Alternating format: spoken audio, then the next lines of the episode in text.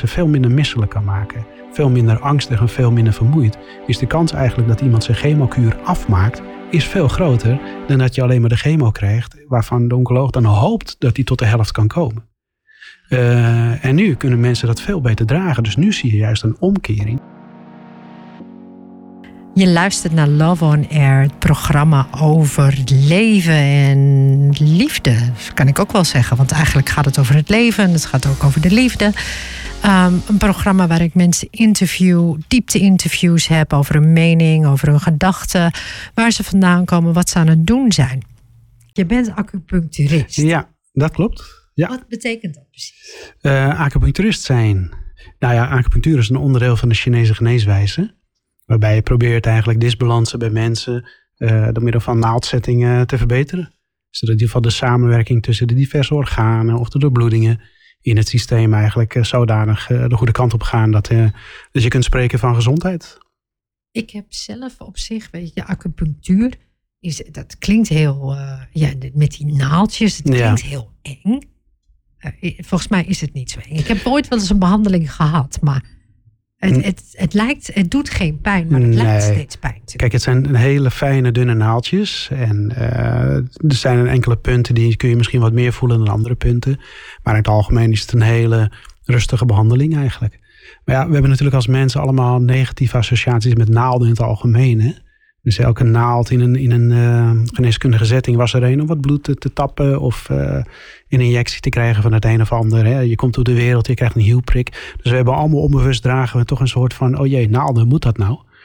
Dus ja, in de acupunctuur werk je met naalden. En voor sommige mensen, die zul je dus niet op je bank krijgen. Want die hebben dus echt serieus een naaldvrees. Maar uh, verreweg de meeste mensen die gaan er heel goed mee om. En uiteindelijk na, valt het bij een behandeling echt wel mee. Ja. Maar je komt niet uit de acupunctuur. Nee, mijn oorsprong zit in de fysiotherapie. En naast de fysiotherapie heb ik ook kranische kraaltherapie gedaan. Ik heb een, uh, uit een opleiding gedaan ook voor yoga. Dus ook een yogadocent. En, um, maar ik wilde eigenlijk altijd al de Chinese geneeswijze doen. En uiteindelijk uh, is dat gelukt. En uh, nou, nu heb ik een heerlijke praktijk voor acupunctuur en Chinese geneeskunde in Heemstede. Maar je hebt ook craniosacraal. Ja, ook craniosacraal. Leg, ja. leg dat eens uit wat dat is. Craniosacraaltherapie is eigenlijk een, een, een, methode waarbij eigenlijk de spanning tussen het cranium, eh, zeg maar de schedel en het sacrum, het heiligbeen probeert op te zoeken. En daar zitten een heleboel eh, bindweefselstructuren tussen. En daar kunnen van allerlei spanningen in zitten. En die probeer je eigenlijk als craniosacraaltherapeut uh, weer vrij te krijgen. Hmm. Waardoor eigenlijk het lichaam zijn eigen nou, herstelvermogen en doorstromingsvermogen in principe weer, uh, weer doorgaat. Hoe kom je er nou bij om zeg maar allemaal dit soort dingen te doen? Ben je, ben je vanuit, ben je opgegroeid in Haarlem? Uh, nee, nee, ik ben oorspronkelijk geboren in uh, IJmuiden. En toen in Velsenbroek gewoond en toen in Leiden. En toen heb ik 17 jaar op het eiland Aruba gewoond. En we zijn nu zo'n drie jaar terug weer en we wonen nu wel in Haarlem. En ja, op de fiets naar Heemstede, waar ik werk dan, in de centrum De Nieuwe Lente. Zit in de Raadhuisstraat, tussen al die lekkere winkeltjes van uh, Van Dam met zijn goede ijs, et cetera. Dus een bekende plek daar. En um, ja, daar doe ik dus nu de Chinese geneeswijze. En in principe al die dingen die liggen een beetje dicht tegen elkaar aan. Hè. Het zit eigenlijk in dezelfde hoek. De kranische kraal, fysiotherapie, uh, de yoga.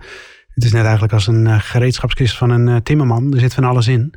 En op dit moment maak ik vooral gebruik van de Chinese geneeswijze. Wat een veel omvattende manier is om te kijken naar de mens eigenlijk. Ja, dat snap ik ook. Maar, de, maar je, bent, je zegt nu net van, je ging heel snel uit Muiden, Velsbroek. Nee, ja. En, uh, en, en toen ben je gaan studeren? Of, of, Ja, uiteindelijk ben ik in Leiden gaan uh, studeren. Ja. En na mijn studie ben ik naar Aruba gegaan. Maar is dat dan fysiotherapie? Weet je hebt gestudeerd? Ja, in Leiden, de Hogeschool Leiden. Ja. ja. En ik wilde eigenlijk daarvoor wilde ik altijd wel Chinese geneeswijze leren. Ik had altijd een soort van uh, interesse daarin. Uh, maar ja, toen ben ik voor de fysiotherapie gegaan. En toen, ja, je woont op het eiland Aruba en er is natuurlijk geen uh, school voor Chinese geneeswijze. En in het begin dus kwam ik een hele goede opleiding tegen en die zat in Hawaii, in Honolulu. Nou, daar had ik echt mijn vizier op gezet. Uh, dat is helaas niet uh, doorgegaan. En later ben ik um, nog gaan kijken van is er in Miami nog iets te vinden. Nou, daar heb je hele goede colleges. Maar ja, het probleem daar is, je doet gewoon vier jaar weer fulltime een opleiding. Terwijl je eigenlijk hetzelfde doet als in de fysiotherapie. Anatomie, fysiologie en daarnaast Chinese geneeswijze.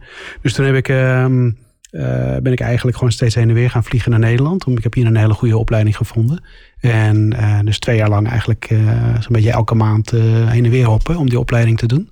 Dus je en, bent vanuit Aruba, ben je terug naar Nederland gekomen om die opleiding ja. te doen? Ja, ik het zoiets als ik het nu niet doe, doe ik het nooit meer. Ja. ja. Je weet nooit hoe het gaat natuurlijk, maar op dat moment was dat voor mij een realiteit. Als ik het nu niet doe, doe ik het nooit meer. En nou ja, dan ja, lagen de mogelijkheden. En nou, dat ging goed. Ja. Mhm. Ja, begrijp. En dat, de, dus je hebt je opleiding twee jaar gedaan? Nee, het is een opleiding van drie jaar. Ja. In het laatste jaar uh, zijn we met het hele gezin en de meiden, ik heb drie dochters, zijn we naar uh, Nederland gekomen om het laatste jaar hier af te ronden. En eigenlijk letterlijk twee weken nadat ik mijn diploma had, ben ik weer teruggevlogen met iedereen naar het eiland. En daar een leuke praktijk gedraaid. Oh, daar heb je ook ja, een ja. praktijk gedraaid. Ja, ja. En uh, god, dat is wel bijzonder. En, hoe kom je trouwens op Aruba dan? Uh, nou, ik heb er ooit in de fysiotherapie een stage gedaan. En dat eiland is zo'n uh, prachtig eiland. En toen was ik hier klaar. Toen dacht ik, nou, ik ga, ik ga terug uh, kijken wat daar is. En um, nou, daar heb ik toen mijn huidige vrouw leren kennen. En ja, dan blijf je vanzelf op het eiland. En uiteindelijk is dat met, met tussenfases een stukje terug naar Nederland en weer daarheen. Totaal zo'n 17 jaar geweest. Ja, ja tijd en gaat wilde, snel. wilde zij wel dan wel terug naar, wilde zij wel naar Nederland? Niet terug, maar wilde zij naar Nederland? Mijn vrouw? Ja. Nee. Nee, toch? Ja, precies. Nee, nou, niet helemaal. Ja, je, je, zit daar in, Ja. Aruba. Wat, wat zou je willen doen in Nederland? Zeg? Ja, nou, ze is wel heel goed bekend met Nederland hoor. Dus ze hebben Ja. hier ook haar opleidingen gedaan. En ze hebben al eerder in Nederland gewoond. Dus dat was geen grote cultuurshock. Oké. Maar ja, het, het is een heel ander land natuurlijk. Hè? Ja. Een heel ander land en eh, ander klimaat. En kijk, voor mij was het makkelijker. Want ik, eh, ik heb natuurlijk geen familie op het eiland. precies. En zij laat natuurlijk zo'n beetje de hele familie eh, achter. Dus zij is gewoon meegegaan. Hoe lang zijn jullie nu in Nederland? We zijn nu, even kijken, nee, 2000, eind 2017 ongeveer. Oké, dus Ja. jullie zijn dan weer een tijdje. Ja, dat is nu een 3,5 jaar denk ik. Ja. Ja. Dus dat is al. En nu dus de praktijk gestart in Heemstede. En, eh, en hoe gaat dat? De- Nou ja, je begint natuurlijk weer op nul. Niemand kent je, niemand weet waar je zit. En ja, in de, in de, de praktijken voor de gezondheid is het meestal dat je tussen de drie en de vijf jaar nodig hebt om eigenlijk vol te draaien. En dat ging eigenlijk vrij snel goed. Dus er kwamen steeds meer mensen. Kijk, niemand weet wie je bent, dus eh, dat neemt zijn tijd. En nu is het hartstikke druk. Dus dat, eh, dat gaat heel goed. Een kwestie van tijd en eh, vertrouwen eigenlijk. En wat, wat zijn de dingen die jij het meest behandelt? Oeh, dus ontzettend uitlopend. Omdat de Chinese geneeskunde eigenlijk een hele brede manier van kijken naar de mens is. Hè, er wordt wel onderscheid gemaakt bijvoorbeeld tussen het lichamelijke en het geestelijke en het emotionele. Maar in de praktijk, dus ook in de behandeling, eh, zijn al die, die systemen die we hebben, die draaien door elkaar heen. Dus ook al komen de meeste mensen wel met een westerse diagnose. Eh, dat is niks anders dan een soort eh, aangrijppunt. En daarna ga je kijken, oké, eh, hoe zou ik dit Chinees vertalen? Door vragen te stellen over bepaalde dingen. Een tongdiagnose te doen, kijken naar de kleur en de betekenis wat dat heeft.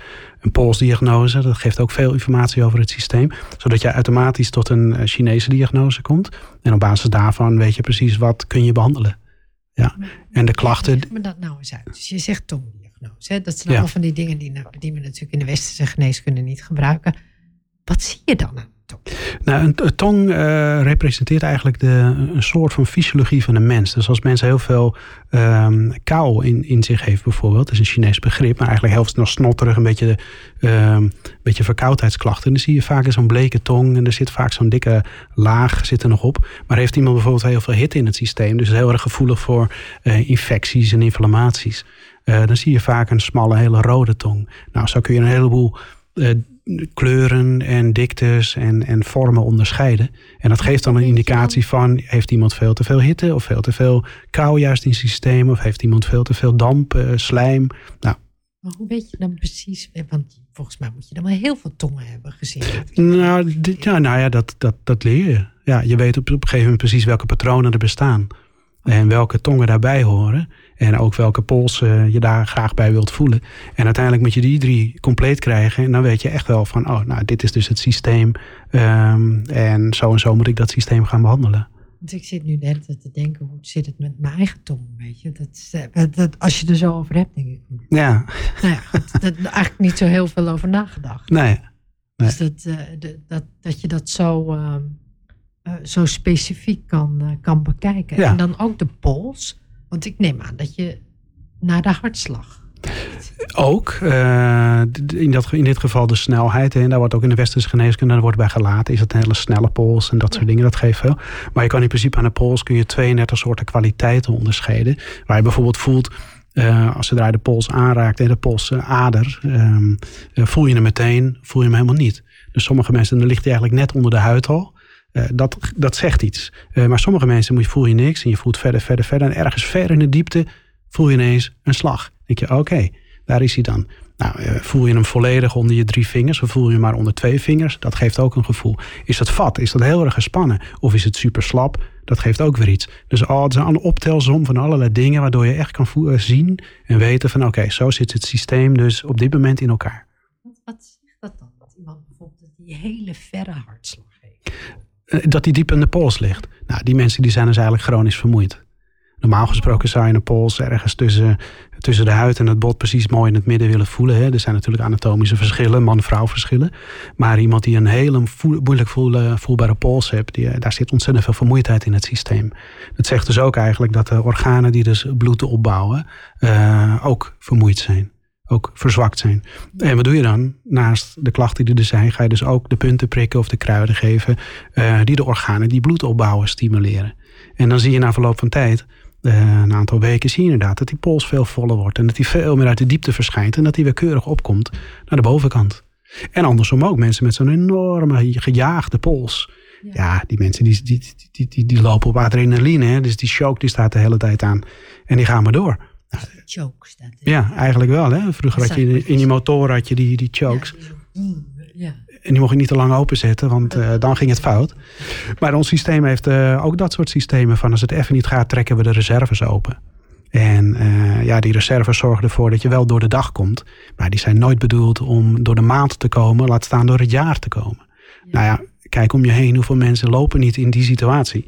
Dat, ja, weet je, dat, dat je eigenlijk al richting een, een distress of zelfs nog een burn-out gaat. Ja. En, en dat zou je eigenlijk dus heel makkelijk al zelf al kunnen voelen. Ja, ja, het is alleen dat we natuurlijk als mens eigenlijk niet zo heel veel meer uh, op, op dit niveau weten over onszelf. Laat staan dat we de meeste trucjes nog scannen van hoe kunnen we jezelf dan weer in balans krijgen. Uh, denk daar bijvoorbeeld nog aan de oudere mensen die nog allerlei trucjes weten over citroensokjes. Uh, raken niet meteen in paniek als de, als de kinderen of de kleinkinderen ziek worden. Die dragen nog, een, nog redelijk wat informatie mee van vroeger. Maar eigenlijk in principe kan ik zeggen, de huidige moderne mens boven een bepaalde leeftijd heeft geen idee meer over in het algemeen. Dus we zijn heel erg ehm, ja, snel aan het googelen of we rennen heel snel naar de huisarts. Maar er zijn heel veel dingen wat niet nodig is. Maar, maar, dit, ja, het wordt ons natuurlijk ook op die manier geleerd. Hè, dat we direct naar de huisarts moeten gaan. En die zou het dan wel beter weten. Ja, ja, ik weet wel dat er heel veel initiatieven zijn om dat weer om te draaien. Dat mensen inderdaad niet meteen naar de huisarts hoeven te rennen. Dat je niet meteen hoeft te schrikken als je koorts hebt en dergelijke. Um, maar het is inderdaad, er is, er is, natuurlijk een hoop kennis weggegaan uh, in de loop der jaren. Juist door het gemak waarmee uh, we in principe 1, 2, 3 de makkelijke geneeskunde tot ons hebben. Ja. Zodat we niet meer hoeven na te denken, wat, wat is ons eigen aandeel in, in dit geval? Hè? Uh, mensen die overwerkt zijn, heel veel stress hebben. Ja, die weten wel van, ja, dit kan ik niet al te lang volhouden. Maar hoe draai je dat om? En uiteindelijk kom je dan in dat medische circuit terecht. Ja. Doordat ze burn-out constateren of andere overspanning. Of hè, het, is, het is de nummer één oorzaak bij de bedrijfsarts. Ja, die ja dat zegt er heel veel. Ja. ja. ik had hier een paar weken terug ook uh, Latifa hier op bezoek. Die dus zeg maar een burn-out had gehad. En daardoor had bedacht, ik moet gaan doen wat ik leuk vind. In plaats van dingen te gaan doen die ik niet leuk vind. Ja. Wat, wat het is, ik ook nog wel logisch vind. Klopt. Ja, de, de drijfveer van ons is natuurlijk op het moment dat je een bepaalde studie hebt gedaan, uh, dan moet je daar de hele leven in blijven. Uh, het kan bijvoorbeeld zijn dat je op een bepaald punt in je leven komt, uh, dat je eigenlijk een soort van gevoel van binnenuit krijgt van hé, hey, weet je, ik zit niet helemaal op het juiste spoor. Maar je bent nou eenmaal dit geworden, wat moet je anders? Je blijft eigenlijk steeds op dat gekozen spoor doorgaan. En ondertussen kom je wel wissels tegen, maar je negeert ze. Je gaat ze langs. Want wat zou dat betekenen als je stopt met de job, als je iets totaal anders wil? Dus soms is er een soort van crisis nodig op een gegeven moment uh, om toch die wissels te pakken. Waardoor je misschien iets heel anders kunt gaan doen. Uh, iets wat misschien veel dichter bij jou ligt. Uh, maar ja, dan is er wel een crisis voor nodig om daar te komen, helaas. Ja. Dat, ja, maar dat is, ja, heel veel mensen krijgen dus ook een dergelijke crisis. Ja. Toch? Ik bedoel, ja. dat, uh, Ik, maar ik vind het wel, ik vind het wel heel interessant. Er, zit een, er is een vriendin van mij die, uh, die bijvoorbeeld uh, heel erg um, s'nachts in paniek wakker wordt. Mhm. Maar echt hartkloppingen Ja. en, en daarna ook bijna niet meer kan slapen. Ja. Dat je een soort nachtterreur noemt Ja. het. Wat, wat kan zoiets zijn? Nou ja, de, de- heel veel mensen hebben dat ten eerste. Ja, die, palpitaties, die hartkloppingen, vooral s'nachts. En eigenlijk in principe moet je, als je vanuit de Chinese geneeskunde gaat kijken, dan moet je, eh, ja, moet ik even één stap ervoor zetten. Je bent natuurlijk samengesteld. Dus je hebt een lichamelijk deel, je hebt een emotioneel deel, je hebt een mentaal deel en een spiritueel deel. Mhm. En die zijn 24 uur per dag met elkaar verbonden. Het meest opvallende is natuurlijk ons menselijke lichaam. Maar die andere eh, delen die zijn non-stop actief. En eigenlijk zou het moeten zijn als je slaapt, dat in feite de, de geest dan eigenlijk tot rust komt. Het lichamelijke gaat zich in principe herstellen. Uh, maar als die geest de diepte niet kan bereiken, zodat hij in feite niet dat moment krijgt dat hij eigenlijk zich kan loskoppelen van uh, functioneren in het lichaam, dan komt hij als het ware weer naar de oppervlakte. En dan kun je door droomverstoorde slapen kun je in één keer wakker schieten. Of in één keer is je, de fysiologie van je lichaam die gaat als een, als een dolle. Dus je hart begint ineens uh, te gaan. En dat zijn vaak inderdaad ook wat uitputtingen kunnen dat zijn. Ja, dat is een, je kan niet zeggen dat is dat, want dat hoort bij heel veel, uh, dat is een onderdeel van heel veel patronen. Maar vaak zit er een stuk vermoeidheid bij, zit er hormonale verstoringen bij, wat schildklierdingetjes. Kan, ja. Dus, maar dat is ook wel, zo had ik het ook helemaal nog niet gezien. Want iedereen zegt maar van ja, weet je, dat is psychisch. En, uh, en dus dat zal wel, weet je, is een psychisch deel in haar, waardoor ze elke keer die hartkloppingen krijgt. Ja. Maar zij slaapt al, nou, zeker een jaar, heel slecht. Ja, ja. Waardoor ze weer nog vermoeider wordt. Eh, Het wordt een vicieuze cirkel. Je, slaat Ja. vermoeid, uh, je staat vermoeid op. Uh, je kan minder helder denken. Het, alles begint te vertragen. Uh, je maakt je ongerust. Want ja, Ja, wat doe je met die hartkloppingen? Ja. wat moet je ermee? Hm. Ja. En dan overdag heb je er dan weinig last van. En dan s'avonds begint het weer. Ja. Ja, dat zegt zij ook. Ja. Ze zegt, het moment zeg maar dat ik me, als ik ga slapen, begint het weer. Zegt Ja. ze. Of tenminste niet meteen, zegt ze, maar wel na een half uur of na een uur. Als ze precies als ze exact die diepe slaap in wil, uh, wil gaan. Of dat, dan ga je juist uh, omhoog. Ja, Dan ga je juist niet de diepe slaap in. Dan keer je weer terug naar de oppervlakte. En nou hebben we in principe slaappatronen. Dan naderen we bijna altijd even dat oppervlakte. Maar in veel gevallen merken we dat niet. En dan zakken we daarna weer de diepte in. Dus het is een soort herhalend ritme in slaapcycli. Maar in dit geval word je klaar wakker. En Ja. zeker als je dan met zweet op je voorhoofd. Met een hartslag van, uh, nou wat zal het zijn? Uh, Ja, het is 180 hard, per uur. Ja. Dan, uh, ja, dat is niet prettig. Nee. En natuurlijk die onbestemde angst. Hè. Hoeveel angst. Maar het is niet gekoppeld aan iets wat zich daar afspeelt. Het is niet gekoppeld aan, aan een uh, eng dier of iets anders. Het is een... Uh, ja, dat is, ja, misschien moet, moet zij ook wel iets met Chinese geneeskunde gaan doen. Want zij zit er best wel al heel erg ja, ja. En, Echt. en ook gewoon precies die vicieuze cirkel waar Ja. zij bijvoorbeeld in zit. Ja. Ja, dat, dat, dat is wel heel. Ja, en gewone geneeskunde kan er blijkbaar niet helpen. Die zeggen dat ze een chronisch vermoeidheidssyndroom heeft. ja. En dat zegt eigenlijk niks. Nou, het zegt wel wat. Uh, het zegt in feite dat er een syndroom is. Uh, die wijst dat er eigenlijk allerlei dingen oververmoeid en uitgeput zijn. Alleen de vraag is natuurlijk, wat kun je daar tegenover zetten? Hoe kun je dat weer herstellen? Hoe krijg je nou dat hele complexe, uh, de complexe mens, want we zijn eindeloos complex. Hoe krijg je dat op een of andere manier nou weer in elkaar? Hoe krijg je dat nou weer bij elkaar? Ja. En uh, kijk, zolang het een disbalans zit, en dat kan een heftige disbalans zijn, dan zie je geen pathologische dingen. Dat meet je niet terug in het bloed. Dat zie je niet terug in een een of ander beschreven syndroom. Uh, maar het is er wel. Maar heel vaak wat we dan doen, dan wachten we tot het uh, erger wordt. Ja, en dan ben je eigenlijk alweer in een volgend stadium gekomen. Want dan zie je inderdaad dat er vaak wel pathologie gaat ontstaan. Ja. Terwijl meestal als je in het begin die denkt van, hé, hey, er klopt iets niet. Wat kan ik doen? En dat vind ik wel het mooie en het charmante van de Chinese geneeswijze dat het ook preventief heel sterk werkt. Want we zijn in principe uh, altijd uit balans. Alleen het is in principe een gemiddelde disbalans. Uh, je krijgt bijvoorbeeld uh, een beetje trek. Nou, dat, dat, voel je in je lijf. Dus je voelt eigenlijk een soort disbalans. En wat is het beste om te doen? Nou ja, ga maar lunchen. En dan voel je dat dat trekgevoel, die disbalans, gaat weg. En als je merkt dat je wat, toch wat slaperiger bent, dat je je minder kan concentreren. Nou, misschien moet je dan toch eens kiezen om uh, niet nog een keertje een serie van Netflix, uh, een episode te, te kijken. Dan een tijdje vroeg naar je bed gaan. En dan kom je eigenlijk weer terug naar dat normale midden. Ja. Alleen ga je maar door en door en door en door. Dan zie je eigenlijk dat je uh, allerlei problemen krijgt. Wat zich kan kopiëren echt in sterk fysieke problemen. Ja, ja nee, dat zie je ook bij, uh, bij, bij zo iemand als haar. Zie je dat Ja. ook heel erg. dat inmiddels zij echt wel fysieke problemen heeft Ja. gekregen. Maar ja, ja, maar dit, is echt wel, dit zijn wel dingen wat, wat iemand dus... En die moet het nog wel... Ja, die moet blijkbaar door... Nou ja, ze heeft echt heel veel al geprobeerd. Maar ik weet Ja. niet of ze Chinese geneeskunde Ja. heeft geprobeerd. Ja. Nou, je ziet inderdaad dat mensen op een gegeven moment echt alles aangrijpen en kijken. En eh, het ene helpt goed, het andere helpt wat minder. Ehm, maar wat je vaak ziet is dat het vrij gefragmenteerd is. Dus Ja. eh, of het is inderdaad heel erg eh, op de ontspanning gericht, op het geestelijke deel. Of het is inderdaad veel meer fysiek gericht, wat meer gaan sporten, et cetera.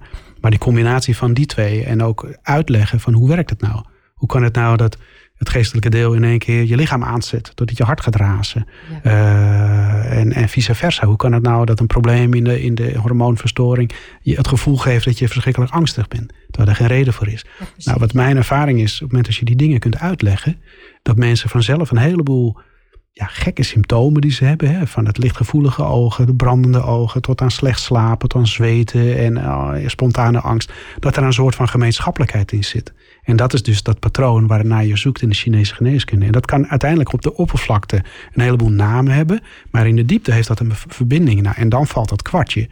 En dan ineens, nou, dan is eigenlijk al 50% van het hele verhaal is eigenlijk al klaar. Want ja, ze zijn toch niet gek. Het klopt toch dat ik loop te zweten en angstig ben en et cetera, et cetera, et cetera. Dus al die dingen die zover niks met elkaar te maken lijken te hebben, die hebben eigenlijk in de diepte heel veel met elkaar te maken. Maar dit is dus precies, want dat zegt zij best wel vaak. Dat ze dan zegt van, het lijkt wel alsof iedereen denkt dat ik gek ben. Ja.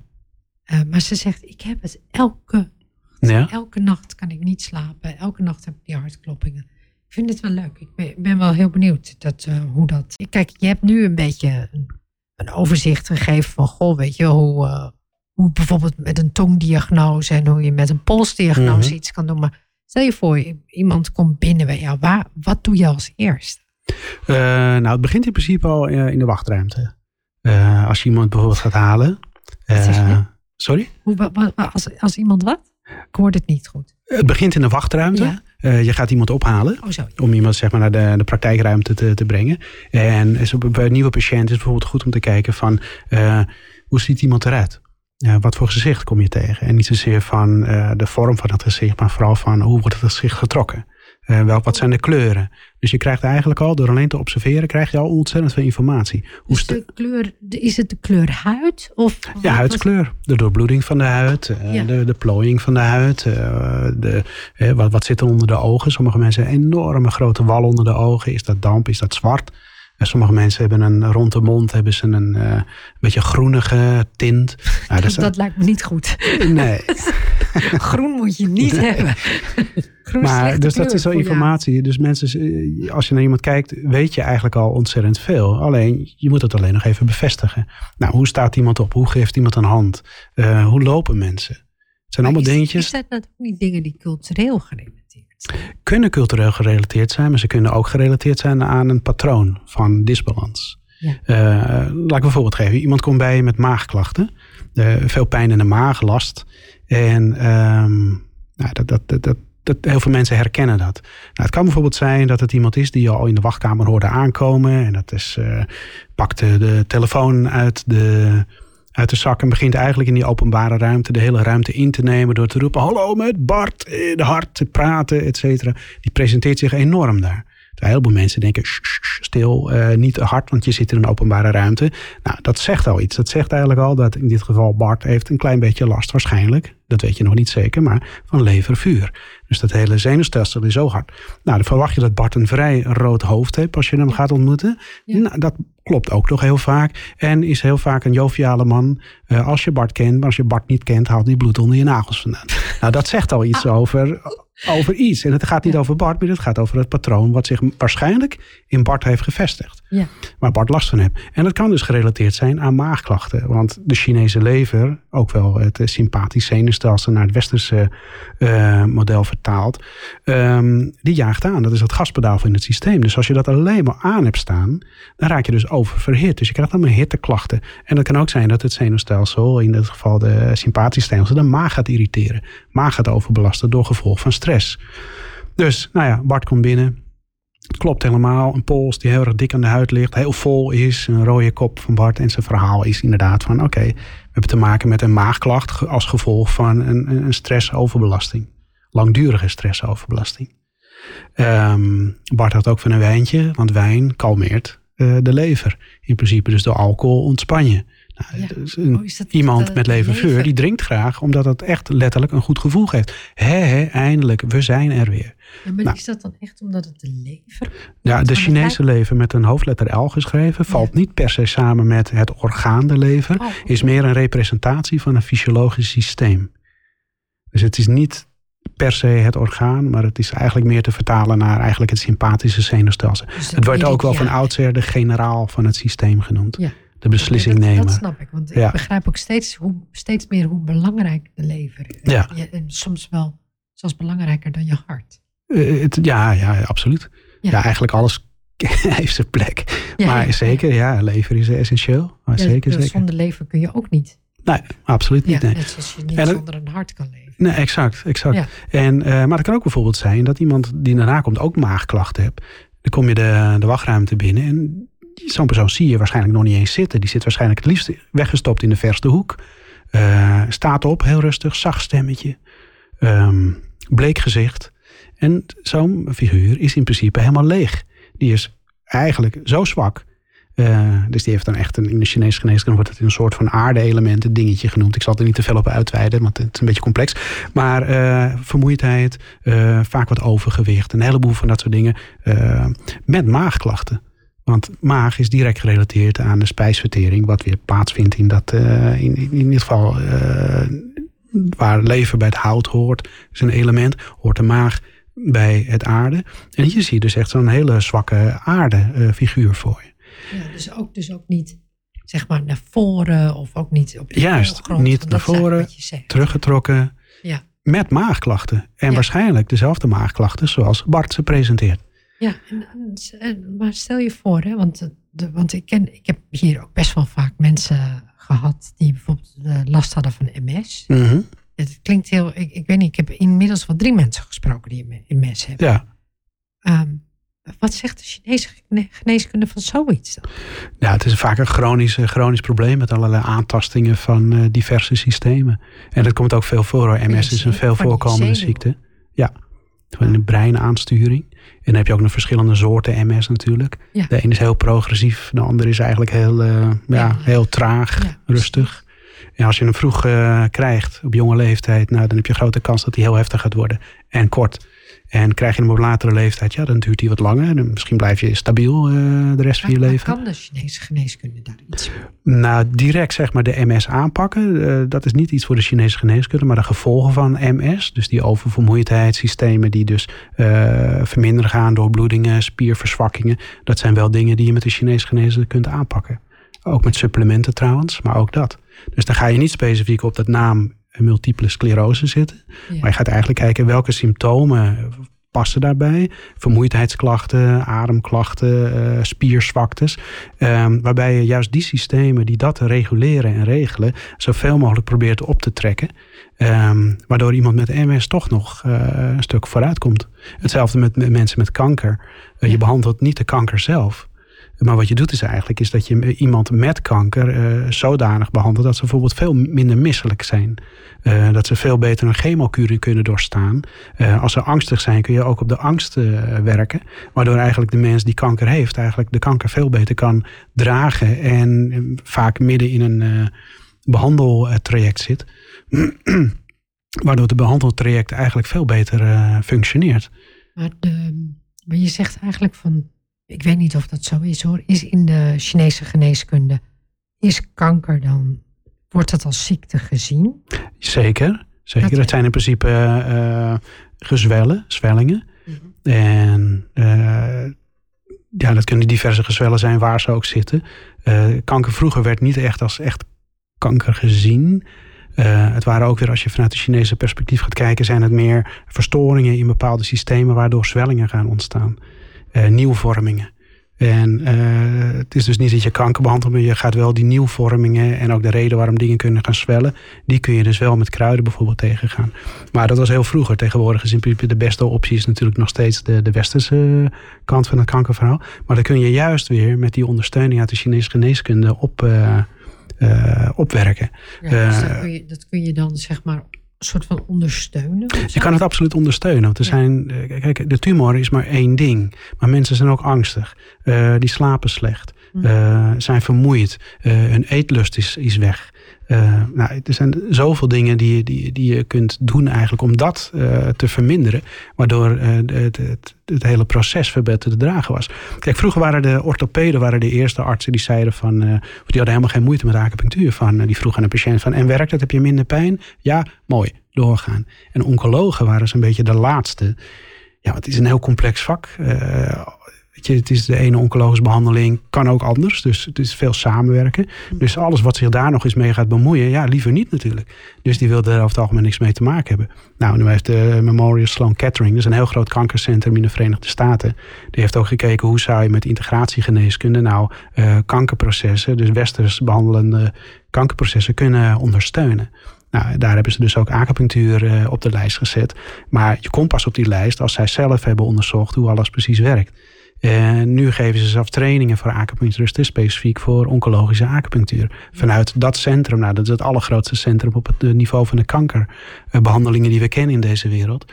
Uh, omdat zij ervan uitgaan, uh, als je mensen veel minder misselijk kan maken, veel minder angstig en veel minder vermoeid, is de kans eigenlijk dat iemand zijn chemokuur afmaakt, is veel groter dan dat je alleen maar de chemo krijgt, waarvan de oncoloog dan hoopt dat die tot de helft kan komen.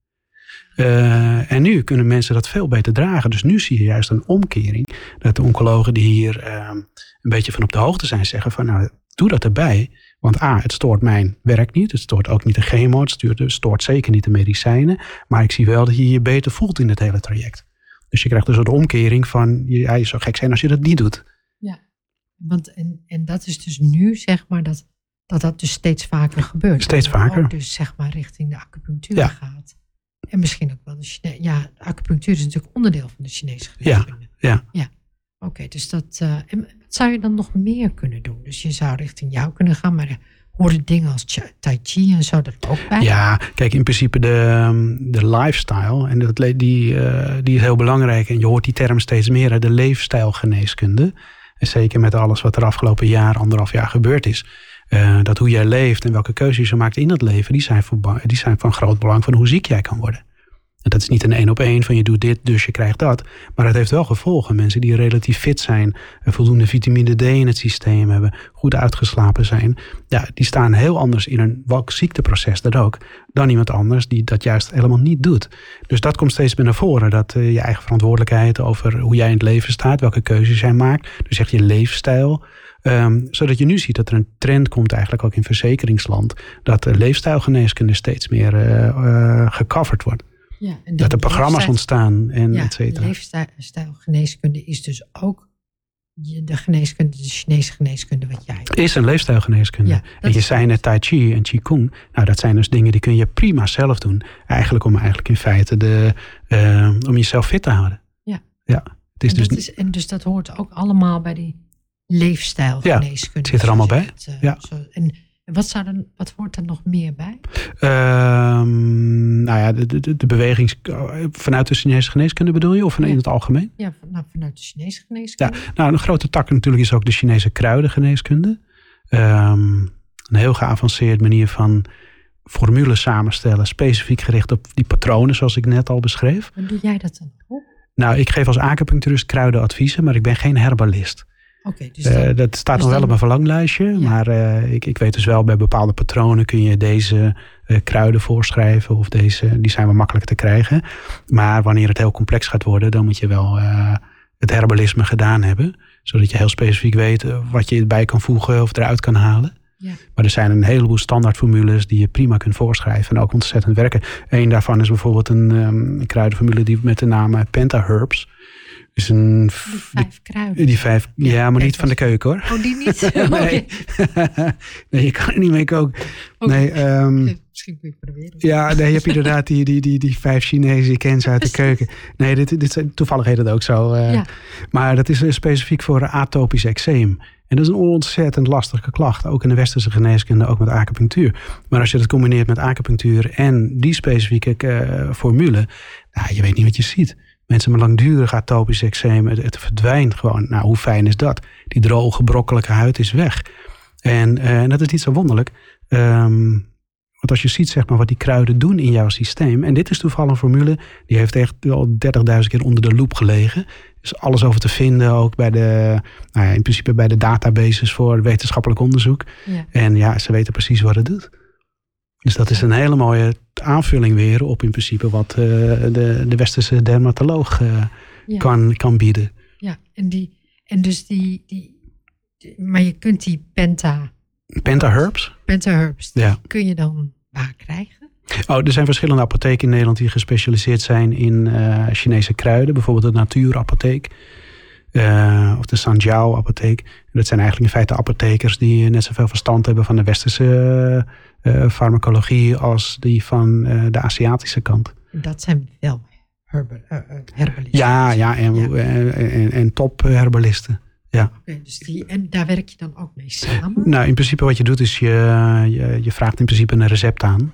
En zij verstrekken dat, maar zij maken het. Zij hebben al die kruiden, zij mengen dat samen. Ze weten precies wat het doet en zo. Ja, En dat vind ik wel heel interessant in de Chinese geneeskunde. Al die kruiden waar je Ja. echt nog nooit over hebt, gehoord. Maar ik bedoel, daarom ben ik, ik, ik eet wel graag allerlei soorten mushrooms wel graag. oh ja, hè. ja. Dus de, de reishi en de shaga. Ja, ja, ja. Dus dat, dat, dat doe ik echt nu inmiddels denk ik al wel tien jaar. Ehm, en ik, ik ben eigenlijk, nou, dat, ik zeg het heel vaak op de radio. Ik ben in de afgelopen 10, 15 jaar niet, eh, niet naar de huisarts geweest. Of laat staan en zelfs een griep gehad. Ja, En ik weet niet of dat nou aan de reisje en de shaga en al die, eh, al die mushrooms ligt. Maar en de lion's mane en weet Ja. ik veel wat. Ehm, maar het, het- ik denk dat het wel iets doet. ja. Nou ja, de, de, de mushrooms in het algemeen, die liggen ook weer, eh, nou ja, weer onder de loep. Want inderdaad blijken ze enorme geneeskrachtige werkingen te hebben. Ja. Maar niet omdat ze specifiek op één ding inwerken. Nee, ze, pakken, ze doen iets centraals in het systeem. En vanuit dat ehm, ja, het in balans krijgen of het aanvullen van bepaalde stoffen in het centrale systeem, zijn de uitwassen worden ook veel minder. En eh, kijk, je zei net inderdaad, ik weet niet of dat het is of dat het is. Eigenlijk voor mij is het nooit belangrijk, wat, wat doet het nou precies? Als ik kijk van, ehm, eh, in principe genezen is een soort soep. En hoe definieer je soep? Is dat het water? Is dat de tomaat? Is dat het zout? Zijn dat de kruiden die erin gaan?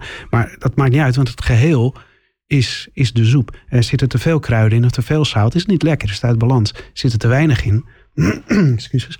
Ehm, is het ook niet goed? Dus het is de taak eigenlijk om eigenlijk al die ingrediënten die je erin zou kunnen krijgen, in balans te houden. Ja. En het is ook in ons leven met dat wat we eten, wat we supplementeren, eh, de paddenstoelen die je kan supplementeren, waarvan we weten inderdaad dat er heel veel geneeskrachtige en balancerende werkingen van uitgaan. Maar ook eh, hoe laat ga je naar bed?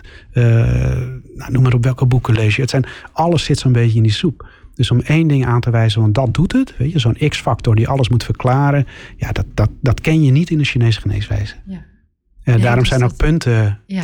Als u mensen acupunctuur geeft, is eigenlijk zo'n puntenstrategie die is opgebouwd uit verschillende punten. Meestal zitten tussen de acht en de tien naaldjes, kan wat meer zijn. Maar het is eigenlijk, de, sommige punten gaan direct in op de hoofdklachten. Andere ondersteunen die punten weer. En andere zorgen ervoor dat, eh, dat er meer ontspannen wordt. Of dat er organen die bloed opbouwen, dat die worden gestimuleerd. Want alles is belangrijk. En zo worden ook Chinese kruidenformules opgebouwd. Je hebt zeg maar de hoofdkruiden. En dan heb je de andere belangrijke kruiden en ondersteunende kruiden. Het is dus nooit echt dat je één ding doet. Dat, dat kennen wij in het Westen wel. Hè? Je neemt of vitamine C, of dat, of je neemt een multietje. Maar eigenlijk zo'n hele goed opgebouwde kruidenformule, dat, dat begint nu pas eigenlijk door te dringen. Ja, dus het nu pas. Nu zie je dat toch, dat slimme supplementen meer bij elkaar komen. Ja, Omdat het meer weer, dan gaan we weer een beetje naar die soepachtige. ja In net plaats zoals dat je kurkuma altijd met zwarte peper of zo Ja. moet hebben. Ja, of dat je eh, ijzer en vitamine C heel Ja. goed samengaan. Ja. Ja, ja. ja, dat begrijp ik. Ja. Dus het is, het is een soort logisch eigenlijk, zou je bijna zeggen. Maar we zijn natuurlijk heel erg jarenlang gewend dat je maar één ding koopt.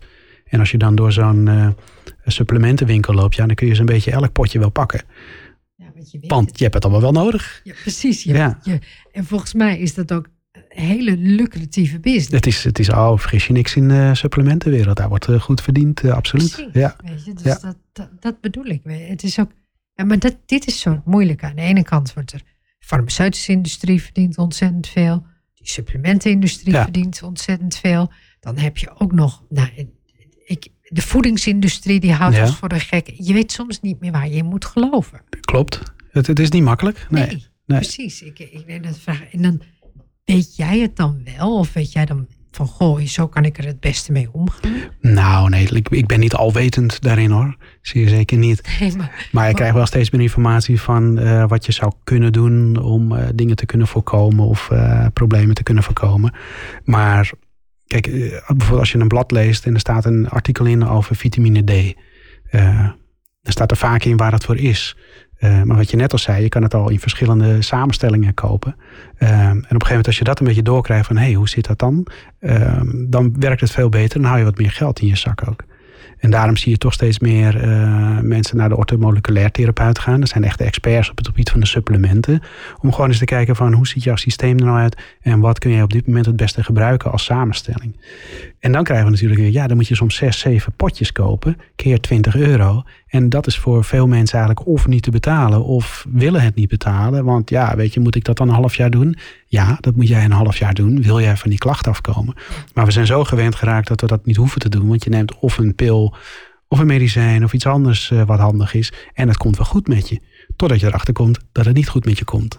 En dat het voorlopig niet goed met je komt. Tenzij je echt eh, keuzes gaat maken. ja, en echt ook aan de basis gaat werken of zo. Het is, eh, ja, ik, ik, ik vind het ook, kijk, en dat is ook wel, ik ben ook al tien jaar met mijn gezondheid bezig hoor. Maar niet omdat ik iets heb, maar ik dacht, laat ik maar gewoon zorgen dat ik het meest Ja. gezonde, dat ik gewoon een heel gezond mens ben, Ja. zeg maar. Dat, dat vond ik zelf heel belangrijk. Geen verkeerde uitgangspunt. eh. Nee, nee, maar er zijn niet heel veel mensen die zo denken. Dus ik ben heel lang compleet gek verklaard. Ja, Omdat ik, me, omdat ik zo zeg maar een bepaald.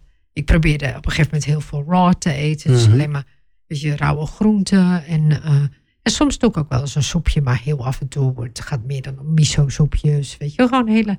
Maar ik heb gewoon het idee dat dat gewoon heel gezond is. ja. Gewoon heel veel groenten. Ja, en het feit dat je sowieso kiest om, om, om dat te doen, eh, dan sta je eigenlijk al 1-0 voor.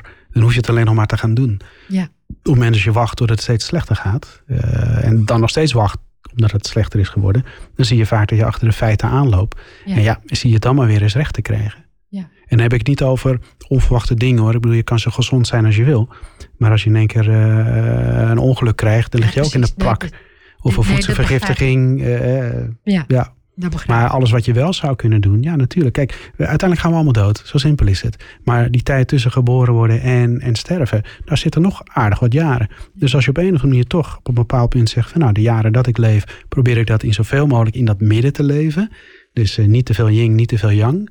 Dat heeft niks te maken met geen uitdagingen aangaan. Hè. Dat is niet dat eh, laffe midden, maar dat is het functionele midden. Ehm, dan zie je eigenlijk dat je dus heel veel kunt bereiken, maar terwijl je toch altijd eh, redelijk in balans blijft.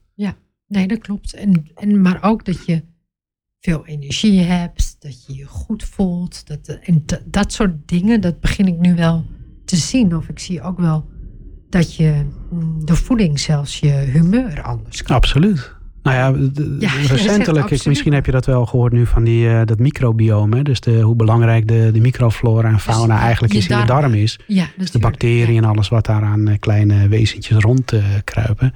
Ehm, is nu ook bekend. Het is ongeveer nou, het is een jaar of tien dat er eigenlijk een beetje rugbaarheid aangegeven wordt. Het is vrij nieuw allemaal, dat microbioom-onderzoek.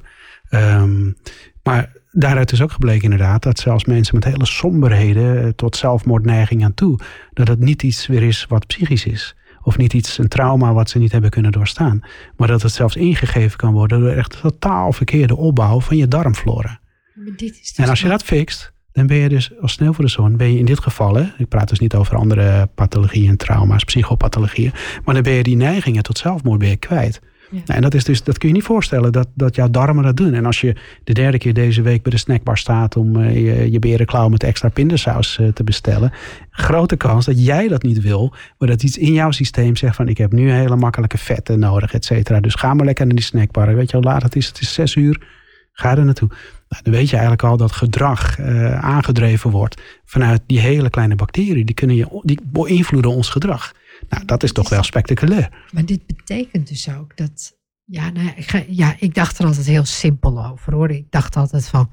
Dus alles wat ik eet maakt mijn bloed. Dus maakt mijn vlees. Dus het bouwt mij in principe gewoon op. Dus ik kan niet, niet iets anders verzinnen dan, dan dat dat op die manier gebeurt. Dus dan moet ik gewoon het beste kunnen eten wat, ik, eh, wat ik kan eten.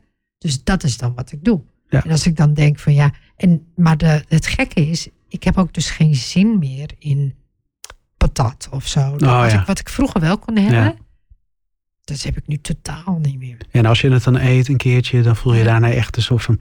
Precies, dan voel je Je had er trek in, maar oh, daarna... En dat is hetzelfde met dingen als chocola. Ik, wat ik wel doe, is ik heb wel rauwe chocola met, ehm, met, met, natuurlijke suikers. En ik kan ook wel een dadel of zo eten. Ja, ja. Maar ook niet te veel, want het is allemaal net iets te zoet. Ja. Dus het zijn allemaal die... Ik, ik heb nu wel echt wel geleerd om steeds meer te luisteren naar het lichaam. Of naar mijn eigen lichaam. Ja. En, en voor mij is het misschien totaal anders dan voor jou. Zeker, maar als je, als je binnen je eigen uniciteit je eigen pad vindt daarin. Ja. Uh, dat kan rauw zijn, dat hoeft niet rauw te zijn. Er zijn een heleboel manieren dat je zou kunnen eh, bellen. Nou kun je je voorstellen als iedereen het zou doen, in een soort utopische samenleving, is dat een hoop van de problemen als snel voor de zon verdwenen zijn. Ja, Waardoor je eigenlijk uh, de wachtrijen in de ziekenhuizen weg Want wat daar komt is echt of heel sterk pathologisch, of het is traumatologisch. Ja. Maar al die andere klachten die zijn eigenlijk leefstijlgericht. En ja, die hoeven dus, ja, de huisarts gaat het rustig krijgen. Ja, dat als we in deze utopie. Maar dat, is, maar dat is sowieso, want dat vind ik nu met die hele. Wat er nu allemaal met COVID gebeurt. Ik snap niet waarom we niet meer zitten op preventie. Ja, maar, dat zou een hele goede zijn. Ja, want preventie, leefstijl. Ja, preventie en leefstijl. Dat je echt zegt van goh, weet je, laten. Want, want toen in het begin van COVID vorig jaar liep ik dus met, weet, weet ik veel, met drie avocado's uh, in, oh, in, mijn, in, mijn, uh, in, mijn, in mijn karretje. En de rest van de mensen had hun pasta's en ik weet niet. En ik dacht alleen maar van, denk die mensen dat ze dood gaan of zo? Weet je, het hele karretje helemaal ja, ja. Dus dat, uh, ja, ik, ik, ik, heb me daar echt wel over verbaasd hoe mensen reageerden. Dus ook heel erg uit angst. Die zeker, ja. En, en de angst is een slechte raadgever. Ja. Dus je gaat dingen inslaan die je lang kan bewaren. Ja, maar ook de angst, weet je, van oh nee, er gaat nu dit gebeuren, er gaat nu dat gebeuren, wat allemaal niet waar was. Ja. Maar, uh, dus dat, uh, maar ja, ik vond het um, ja, heel interessant hoe mensen omgaan met eten. Absoluut. Een basis, zeg maar. Ja. En dan, uh, het is echt je basis. Ja. ja. En, en het, ja, het, het maakt het ook niet makkelijk natuurlijk dat de grond, de landbouwgrond natuurlijk ook ja, steeds zwakker begint te worden. Ja, dus we krijgen ook niet de dat is de moeilijkheid. die we nodig hebben. Ja. Dus dat snap ik ook wel. Maar het, is, ja, het zijn kleine keuzes. Want mensen zeggen wel eens tegen mij van, maar hoeveel eet je dan? Nou, ik ben echt niet, ik, ik ben echt niet ongezond. Of eh, hoe zeg je nou, ik ben niet heel uh, slank. Ja, ik ben niet heel, nou, ik ben gewoon, laat ik het zo zeggen. Ja. Um, maar ik, ik eet vaak maar één maaltijd per dag. Ja. That's it. Ja. Dus zeggen mensen, maar daar kun je niet op leven. Ja, ik, dat doe ik eigenlijk al heel erg lang. Ja. Nou ja, wat ze eigenlijk zeggen, ik zou daar niet op kunnen leven. Ja. En ze stellen het dan even naar jou toe. Maar zou niet iedereen dat kunnen volgens jou? Nou, ik denk je. Kijk, als, je, als ik het even terug, terugkoppel naar de Chinese geneeswijze, mhm. wordt eigenlijk uh, een van de oudste modellen die, uh, die eigenlijk om de complexe werkelijkheid te begrijpen, is dat vijf elementen model. Op elkaar inwerkende krachten. En zo'n element is een soort hoofdstuk, een categorie waarin een, geestelijk deel, een lichamelijk deel, et cetera, alles is daarin gebonden. zo kun je zien eigenlijk uh, wat heeft invloed op elkaar. Je kunt het ook de homeostase noemen, het eigen lichaams, uh, het natuurlijke evenwicht eigenlijk van het lichaam. Die is eigenlijk terug te vinden in dat hele complexe uh, vijf elementen model. Um, er blijkt ook dat mensen naar zekere, tot zekere hoogte ingedeeld kunnen worden. Bijvoorbeeld naar een houttype of een aardetype of een watertype. Dus wat bijvoorbeeld voor de een wel werkt, werkt gewoon voor de ander niet. Dat heeft heel veel te maken met je constitutie. Wat voor type ben jij? Ik ben een mix tussen een lever en een aardetype. Een lever en ja. Kijk, eh, ja, het is de constitutie, laat ik zeggen, een aardetype herkennen we wel. De neiging van een echte diehard uh, aardetype is um, zachtaardigheid, eh, gevoel voor andere mensen. Eh, denk even aan het verpleegtehuis of het bejaardentehuis. Die mensen die je daar rond ziet lopen, nou, 9 van de 10 aardetypes. Die zijn zo aardig dat ze zichzelf te veel weggeven. Ja. Dus die zeggen altijd ja. Het hele lijf zegt nee, niet doen. Ja, ik werk wel over. Ja. Oh, En wat zie je zo dan? moeilijk, want die mensen kunnen helemaal hun grenzen niet aangeven. Wat is de moeilijkheid van iemand Ja. die dus inderdaad uit balans is in die aarde? Want daar gaat het om. Is dat je je grenzen heel moeilijk kan aangeven. Ja. Dat, nou, dat, zo is dat helemaal ingedeeld en zo heb je eigenlijk al die typeringen. Dus daar past voeding ook bij. Wat, past, eh, wat is goede voeding voor het aarde? Wat is goede voeding voor de lever? Wat is goede voeding voor het, de niertype? Daar zitten allemaal verschillen bij. Dus de een, hebt ook een niertype. ja zeker. Ja, zeker. ja, nou ja, dus die- het water. Ja, het, het- het- nogmaals, je kan het op de radio wat moeilijk uitleggen. Ja. Maar ehm, kijk, je kan ervan uitgaan dat elk element een bepaalde typering heeft. En daar kun je eigenlijk mensen onder scharen. Maar het is geen hoge weeskunde. Het is niet altijd waar. Maar je kan er wel een soort van grof eh, beeld uitscheppen van als er een zwakte komt waar je hem zult gaan krijgen. En daarom zie je vaak bij de mensen die dus eh, eh, vaak uit balans zijn in die aarde, is dat ze heel veel aardevoedsel gaan eten. En dat is lekker zoetig, veel koolhydraten. En daarom zie je vaak dat als een aardetype neigt tot disbalans, eh, dat er veel overwicht gaat komen. Want er wordt veel te veel gegeten. Nou, denk maar weer aan het bejaardentehuis. Precies. Je ziet ze, je ziet ze voor zie je. ze. Ja, ik, ik zie ze echt voor me. Ja. Dat klopt. Nou, Ja. Om maar een voorbeeld te geven. Dus eh, die mensen moeten absoluut niet rauw eten. Want die hebben gewoon veel te weinig energie om dat rauwe voedsel te kunnen overbreken. Voedsel is niks anders dan nutriënten die verpakt zijn in een soort kluis. En 15% van je energie eh, wordt besteed eigenlijk, of de thermische energie is dat wordt besteed eigenlijk aan eh, het Verwarmen. ja, het halen van energie uit voedsel. Daar moet je nog iets voor doen. En dat kost ongeveer eh 15% van eh, het eh, systeem. Van wat je dagelijks binnen zou moeten krijgen. Eh, dus als je rauw gaat eten en eigenlijk die nutriënten die zitten eh, zwaar verpakt nog steeds in die kluizen. Maar je lichaam krijgt die kluis niet eens open. Ja, je neemt bijna niks meer op. Dus daarom moet je steeds meer eten en steeds zoeter. Want je wil door de zoetigheid wil je dat aarde-element wil je stimuleren. Spijsvertering, immuunsysteem. eh, eh, maar dan pak je de verkeerde zoetigheden en te veel zoetigheden. Dus zo komen de kilootjes eraan. Je mist toch weer de nutriënten. Dus als die mensen rauw gaan eten, die worden, die worden steeds, dat gaat steeds slechter. Dus je moet een hele sterke nierenergie hebben om die rauwigheid, om eerst eens even nog die rauwe kluizen open te breken en dan pas de nutriënten. Dus die mensen moeten gewoon lekkere soepen gaan eten. Warme soepen, pompoensoepen. Eh, want wat gebeurt daar eigenlijk? De, de nutriënten zijn eigenlijk al uit de kluis, om het zo maar te zeggen. Dus ja, je lichaam hoeft dat zelf niet meer zoveel te doen. Zeer voedzaam. Maar kijk, dit, dit is dan wat ik geloof hoor. Dat toets, Mhm. toets ik dan aan jou. Ehm, ik geloof heel vaak dat als je dingen kookt, dat, dat de vitamines eruit zijn. Ja, nee, je verliest. Je verliest. De Ja. vraag is natuurlijk, eh, ben jij in staat om rauw eh, voedsel te verteren? Want als je dat niet verteert, dan neem je sowieso ook helemaal geen enkele vitamine op. Maar dat kan toch iedereen? Het is toch een kwestie van gewenning? Eh, dat, in een ideale situatie zou iedereen dat kunnen. Maar als ik ook mijn energie kwijtraak aan een baan die ik niet leuk vind. Eh, een gezin die ik nog moet zien draaiende te houden. eh, allerlei eh, carrières die op de rails moeten blijven. ja, nog zes hobby's en noem het gewone leven maar op. Dan zie je eigenlijk dat mensen eigenlijk al standaard oververmoeid zijn. En als je dan ook nog eens aan je systeem vraagt: ga eens lekker de hele dag alle maaltijden rauw eten. Ja, je hebt geen honger, daar gaat het niet om. Maar je mist uiteindelijk nutriënten. En dan zie je op een gegeven moment dat die mensen die worden steeds witter, steeds vermoeider. Dan je, oh, wacht eens even. Stap even af van de rouw en ga een tijdje eh, voorverwarmen. Eh, waardoor je eigenlijk die nutriënten wel tot je krijgt. En op het moment dat je weer helemaal in balans bent. Kijk, het is ook niks voor niks dat eh, van oorsprong als je wilde vasten... dat het in, eigenlijk in settingen ging waar alles voor je gedaan wordt. Kijk nou bijvoorbeeld naar de ashram. Eh, ja, wat is het typische beeld van de ashram? Eh, tegenwoordig kun je gewoon een tijdje, een weekje of twee, eh, kun je meedoen.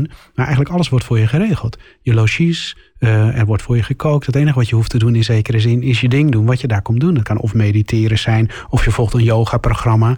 Maar de rest, jij hoeft niet te zorgen dat deze rekeningen van de ashram betaald worden. Dus Ja. je kun je op dat moment echt alleen maar focussen Jezelf. op, op jezelf. Ja. Nou, hoe fijn is dat? Ja. Nou, dat zijn de momenten waarbij je wel wat aan kan. Maar als je daarnaast ook nog alles moet doen om, het hele, om eigenlijk alles wat je er doet überhaupt mogelijk te krijgen, dan zie je dat heel veel mensen eigenlijk al denken, nou laat maar. Onbewust, ik eh, haal een patatje en eh, dan is het klaar. En, en hoe zit het dan met bijvoorbeeld, dat vraag ik dan aan jou, hè, omdat jij dat, dit soort dingen weet. Bijvoorbeeld, ik vast heel vaak. Hè? Mhm. Dus, eh, en, en dan dat intermittent fast. Ja, ja. En ehm, dus niet elke dag, maar wel bijna elke Ja. dag. Eh, want het is ook heel makkelijk, hè? Ja, Ik bedoel, je, Dat is heel goed te doen. ja, als je maar Ja. één keer per dag eet, is echt super makkelijk. Ja. Je, kunt, je hoeft verder nergens over na te denken. Je hoeft niet te denken, oh, ik moet mijn ontbijt, ik moet mijn Ja. lunch, weet ik veel. Je doet gewoon of alleen een lunch of alleen een avondeten. En dat is prima. En, Ja. en dan ga je. Is dat oké? Dat is oké, absoluut. Dat, Ja. dat is, ja, ik voel me er heel goed bij. Ja. Hè? Maar is dat, is dat voor iedereen goed? Dat zou, ja, dat intermittent eh, fasting is, eh, is een, eigenlijk, dat is niet echt een dieet. Hè. Het, is meer een leefstijl. Het is een, een manier van eten. Waardoor je eigenlijk eh, de verzadiging van je cellen ehm, eh, steeds voorkomt. Dus daardoor blijven je cellen actief. Dus je spijsvertering wordt beter. De energieopname van wat je eet wordt ook echt verbrand allemaal. Dus het is, eh, kijk, en dat is weer terug te leiden toe toen we vroeg, eh, lang, lang geleden aten. Toen waren er gewoon geen drie maaltijden per dag. En er waren geen winkels en zakken chips en jamin, et cetera. Het was, eh, dus ons lichaam is gewend Ja. om even een tijdje niks te hebben. En wat blijkt nou, als je je lichaam dus de hele tijd maar vult omdat het lekker is en handig is en je hebt trek. En vaak ook nog met de verkeerde dingen. eh, dan, dan kom je eigenlijk op het punt dat je lichaam die, die verteringen niet meer goed oppakt. Waardoor er eigenlijk allerlei eh ja, metabolismeproblemen gaan eh, ontstaan. Ja. Dus dan is inderdaad dat intermitterend fasting is goed. En ehm, dat blijkt dus ook echt goed te werken. En dat is ook ontzettend goed gedocumenteerd. Daar is veel onderzoek naar gedaan. Ja. En dat blijkt ook goed te werken. Ook voor mensen die eigenlijk falen bij allerlei soorten diëten. Waardoor je eigenlijk in één keer een totale lifestyle change krijgt. Want je volgt nu dit dieet. Maar ja, dat ga je niet de rest van je leven doen. En daarna switch je weer daar naartoe. En dat is dat yo-yo effect. En, eh, maar het enige wat echt goed werkt, waar je dus ook niet echt voor hoeft te diëten, maar eigenlijk de manier van eten aanpassen, dat is dat eh ja, tussentijdse vasten eigenlijk. Ja, Ja. dat is precies. eh, Want eh, mensen zeggen wel eens tegen mij, maar doe je dat dan om af te vallen? Bij mij trouwens niet. Nee, Ik ben er ook geen, geen centimeter van afgevallen of zo. Maar het is wel, ja, het is wel interessant dat dat... eh, ja, het, het versterkt je vitaliteit, Ja. je energiedoorstroming. Ja. En dat gaat, ja, het is mooi als het om gewicht gaat als je zeker veel te veel gewicht hebt. Maar dat zou eigenlijk niet het doel zijn wanneer je eigenlijk je normaal gewicht bereikt hebt. Ja. Waar het om, dan om gaat is vitaliteit, doorstroming. En dan is ook de manier daar- waarop je eet net zo belangrijk. naar, Ja, exact. precies. En ik zag het ook, want eh, in de, in de islamitische cultuur heb je natuurlijk heel vaak de ramadan. Ja, En daar zag ik ook altijd dat mensen toch beter werden. Niet in het begin. In het begin zijn ze altijd heel Ja. erg veel aan het eten. Op het moment als het avond is. ja, Maar na verloop van nou, week, twee, drie weken wordt het avondeten ook minder. Ja. En dan zie je mensen echt beter worden. ja, exact. Ja. Het is echt heel Ja. bijzonder om dat te zien. Dat, eh, dat ze zich opeens beter gaan voelen. Ja, en ja, dan zou je bijna zeggen, doe het hele jaar. Maar Ja, ja, ja, ja. Zover Ja. zijn we nog niet. Ja. eh, zeg maar dat je een heel jaar aan het eh, ramadan eh, Ja, bent. exact. zeg maar. Nou ja, dit is het, het- hetzelfde wat jij dan doet. Het is gewoon dat, dat tussentijdse vasten. Ja. En ze moeten natuurlijk wel opletten dat je je niet volgooit met wanneer je dus wel kunt eten, dat dat een en al suiker, suiker, suiker, suiker, Nee, suiker nee, is. Dat heb ik helemaal niet. Nee, maar als je dat, als je dat goed zou doen, dan, nou, dan is het inderdaad prima. Ja, Ja, zeker. Dat, ja, en ik vind het zelf ook heel fijn. Ik kom er ook echt achter dat, dat, dat ik dit, dit de makkelijkste manieren van eten vind. Ja. Maar het heeft ook echt wel lang geduurd hoor. Als mensen ermee willen beginnen, het duurt wel even voordat je Die omschakeling. die omschakeling hebt. Want ik heb echt dat ik dacht, oké, dan ga ik om 12 uur s middags beginnen met eten tot 8 uur s avonds. En dan dacht ik echt af en toe van, oh, ik moet wat hebben, ik moet Ja, wat oh ja, hebben. ja, ja. En eh, voordat ik echt daaraan gewend was. En dan daarna in één uur 's middags beginnen. Daarna twee uur 's middags Ja. beginnen. Dus dat die tijd elke keer verandert. Ja. En nu kan ik gewoon ook om weet ik twee uur 's middags eten. En om vier uur 's middags stoppen. En Ja. de hele avond niet Ja, de precies. volgende dag. Nou ja, wat, wat ik hier het hoor is inderdaad het sleutelwoord hiervan is eigenlijk transformatie. Hè? Ja, En dat is ook met de Chinese geneeswijze. Het is geen quick fix. Eh, dingen samen laten werken, eh, waar te veel is weghalen, waar te weinig is naartoe sturen en waar het gestagneerd is de blokkade opheffen. Dat is een kwestie van tijd. En des te chronischer, des te langer duurt het. Maar ook eh, leefstijlwijzigingen, ehm, voedingswijzigingen, maar ook voedingsstijlwijzigingen. Dus transformeren, dat doe je niet van de ene dag op de andere dag. Want je lichaam is zo geprogrammeerd ehm, dat het alleen maar stress oplevert. Ja. Dus je moet het heel rustig in, in, inluiden eigenlijk. Ja. Dezelfde mensen die bijvoorbeeld eh, eh, steeds meer bijvoorbeeld richting de vegetarisme gaan. Dus de vegetariërs. Als je dat van de dag op één op de andere dag doet, gaat dat heel vaak fout. Hou je het vaak niet vol. Maar als je daar heel rustig in transformeert, je gaat steeds meer dingen vervangen, je gaat er steeds minder en minder. Op een gegeven moment merk je eigenlijk dat je, je hoeft, het hoeft niet meer. het hoeft niet meer. Ja, inderdaad. Want er zijn echt mensen, ja, heel vaak ook mannen die altijd zeggen van, ik wil graag elke dag vlees op Ja. Dat ik altijd denk van, waarom, waarom wil je dat? Ja. Je, bedoel, en, dan, en dan gaan mensen zeggen van, ja, maar het is zielig voor dieren en zo, zeggen mensen dan wel eens. Maar daar, het gaat het bij die, meest, die mensen niet om. Die, die zijn daar helemaal niet mee Nee. bezig. Die zijn alleen maar met die, met, met die wil om dat vlees Ja. te eten. Daar zijn ze mee bezig. Ja. zo. Dus een craving. Als ik het Een in craving, ja. zou, kunnen, zou ik het het beste kunnen zeggen. Maar en Ja. dat, dat is inderdaad, dus dat moet je dus langzaam afbouwen. Ja, in principe dat soort dingen. En het is hetzelfde met het vasten natuurlijk. Eh, Het, het is rustig aan, aanpassen. Ja. Er is trouwens een heel goed boek over, over ehm, dit onderwerp. En even de, is een Engelse arts en journalist. Ik ben even zijn naam kwijt. eh, maar die heeft een prachtig boek geschreven. En die legt ook uit, hij heeft het zelf ook gedaan. Hij had altijd zelf altijd kilootjes op de heupen. Niet veel, maar altijd net even te veel. Ehm, en op een gegeven moment heeft hij dit gedaan. En hij heeft dus eh, zichzelf voor de BBC heeft hij zich als, als soort van proefpersoon eh, gewekt. Nou ja, hij doet het tot vandaag, tot de dag van vandaag nog steeds. Ja, nee, je komt er ook niet meer. Je kunt ook Ja. niet meer anders eten. Want op een, een of andere manier zou ik nu niet meer. Eh, s ochtends, middags en 's avonds kunnen eten. Ja. Ik bedoel, dan, dan zou ik dus de hele dag op de bank liggen. Zo Ja. dat gevoel. Want elke keer als ik eet, eh, wat andere mensen dus niet hebben, maar als ik heb gegeten, ben ik moe. Maar dan ben ik echt heel moe. Terwijl de, de tijd ervoor, als ik niet eet, ben ik gewoon heel vitaal, niks aan de hand. Ja, Maar als ik eenmaal ga eten, moet ik ook eten hoor. Ik bedoel, dan ja precies. wel- Niet te lang uitstellen. Ja, Je hebt- Je, precies. hebt toch energie nodig, hè? ja.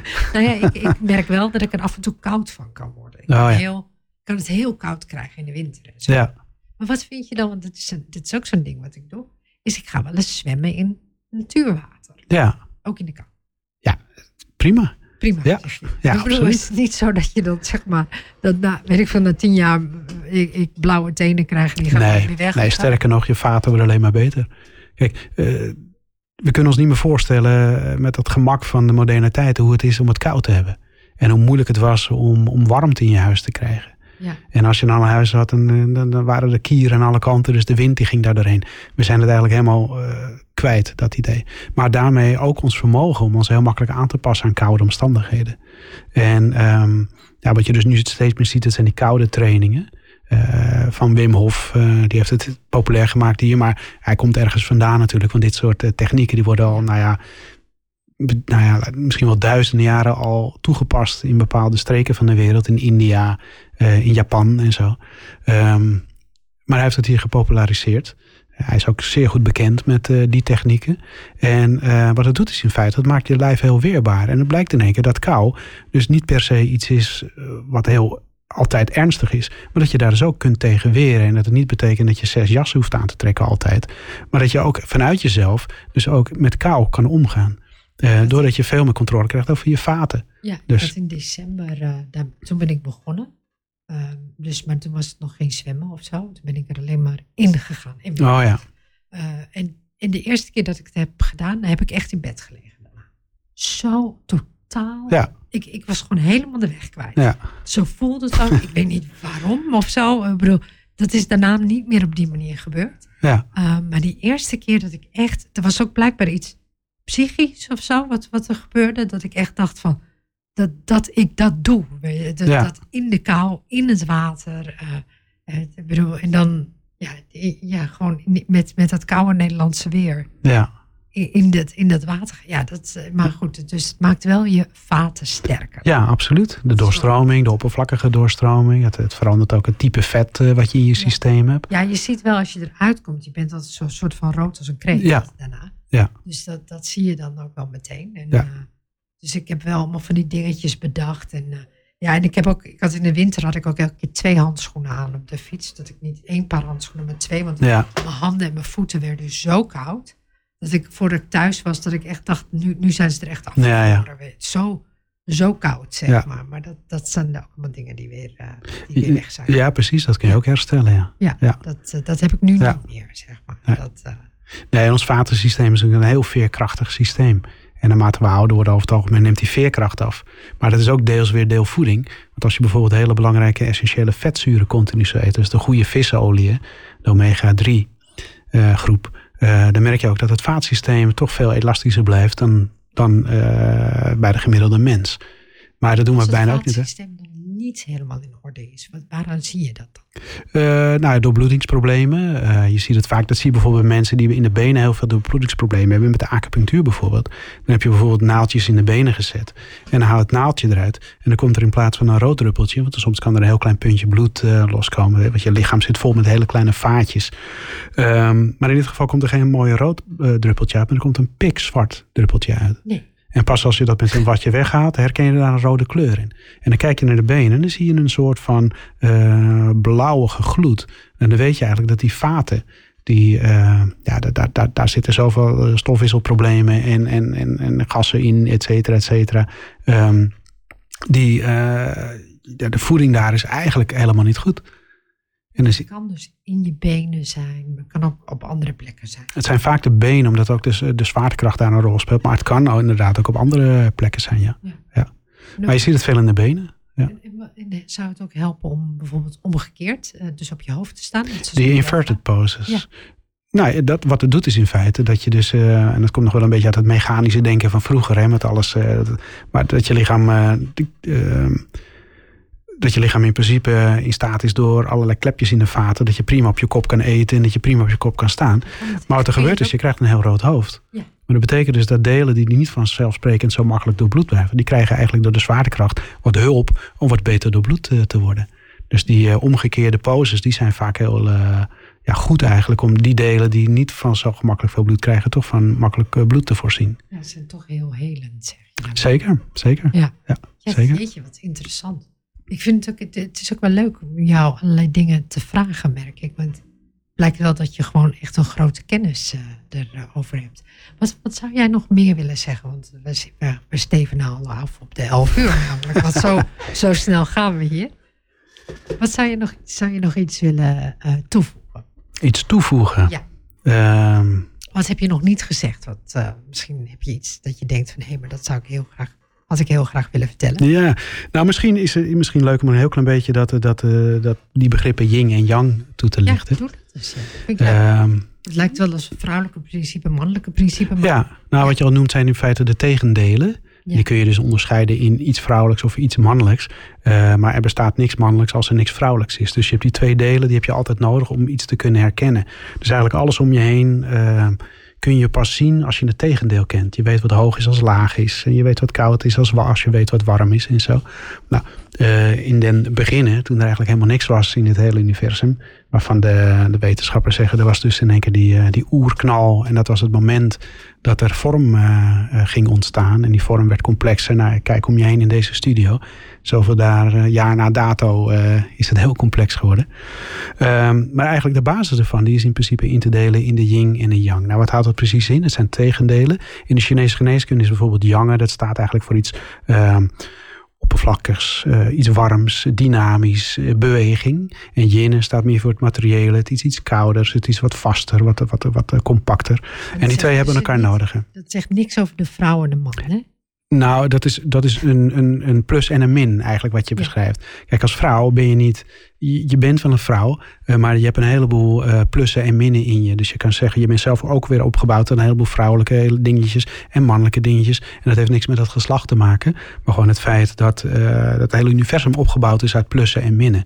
Waarvan de meest duidelijke is de plus en de min in het yin en het yang. Maar zij tezamen als die samenkomen, krijg je dus allerlei combinaties van yin-yang, yang-yin, et cetera. Waardoor er eigenlijk vormen gaan ontstaan. En zo ontstonden in de Taoïstische filosofie, uh, of naar de Taoïstische filosofie, de 10.000 dingen. Wat, wat eigenlijk een Chinees begrip is voor veel. De veelheid die we om ons heen zien, de complexiteit. Maar eigenlijk alles is terug te voeren tot die twee. Dus uh, de plus en de min in het systeem. En als je kijkt ook uh, waar de mens staat in zekere zin, dan heb je eigenlijk twee grote krachten in het universum. Um, uh, de plus en de min eigenlijk. En de een staat voor liefde en de ander staat voor angst. En als mens sta je daar eigenlijk als het ware tussenin. Uh, als iets een beetje te liefdevol wordt, wordt allemaal een beetje iets, dan word je een beetje onrustig en dan zak je het liefst weer terug naar het middenpositie. Maar wordt iets te veel angstiger, wordt het allemaal een beetje te geïsoleerd en te koud, ga je het liefst weer een stukje omhoog naar het midden. Dus als mensen zijn we een complex wezen die eigenlijk tussen die twee krachten instaan. En uh, nou, wat je bijvoorbeeld ook ziet, uh, hoe dat we samenwerkt. Hè. Bijvoorbeeld, we zitten in deze ruimte uh, en we hebben dus de begrenzende krachten en we hebben bevrijdende krachten. yin, yang in een andere vorm. En die moeten dus in balans zijn. Nou, deze ruimte is goed in balans. We hebben dus de bevrijdende krachten, de ruimte om ons heen. Uh, ik kan om me heen kijken, ik kan hier lopen, hier kunnen spullen staan. Dus de, de, de ruimte is in principe goed. Maar we hebben ook begrenzende krachten nodig, want anders zouden we de treinen steeds horen. De regen zou op ons dak vullen. Maar omdat hier in balans is, is het mooi. Als je deze studio in een fabriekshal zou zetten, denk je, oef, dat is een beetje uit balans. Want die ruimte heb je niet nodig. Dus eh, in feite de begrenzende krachten, die willen dus, die hebben een bepaalde aard. Wat ze continu doen, die willen continu blijven begrenzen. Maar daar wordt, dat wordt gestopt wanneer de, eigenlijk de bevrijdende krachten uh, daar, um, uh, daar iets tegenover zetten. En zo zoek je weer dat midden op. Uh, en dat is eigenlijk ook wat we in ons, om ons heen nu zien. Je hebt ehm, de bevrijdende krachten. mensen die tot zelf willen nadenken. Leefstijlgeneeskunde willen pakken. denken, wat wil ik eten? Hoe ga ik eten? En je hebt de begrenzende krachten. Die zeggen van nou, dit is het enige wat jij kan kopen. En dit is uh, allemaal volgespoten met uh, chemicaliën of andere dingen. Dus en het is dan aan jou om te kijken van waar is dat midden? Waar, hoe speel ik met die plussen en die minnen, met het yin en yang? Hoe ben ik me daar bewust van? Omdat je daar zelf ook uit opgebouwd bent. Omdat je uiteindelijk niet los staat. En dat is echt heel Taoïstisch uh, bekeken. Je staat van niets los. Al lijkt het zo, is het illusie. Maar je bent in feite met, met alles direct verbonden. Ja, dat klinkt heel erg mooi. En dat is dus mij... kernbegrippen in de Chinese geneeswijze. Ja. Volgens mij gaan, moeten we het hierbij uh, bij laten, want we hebben echt nog maar een paar, uh, ja. paar minuten. Um, we, want dan kunnen we ook nog met een muziekje afronden. Uh, ik wil jou heel erg hartelijk bedanken voor, uh, voor de tijd, voor je uitleg. het was ontzettend interessant.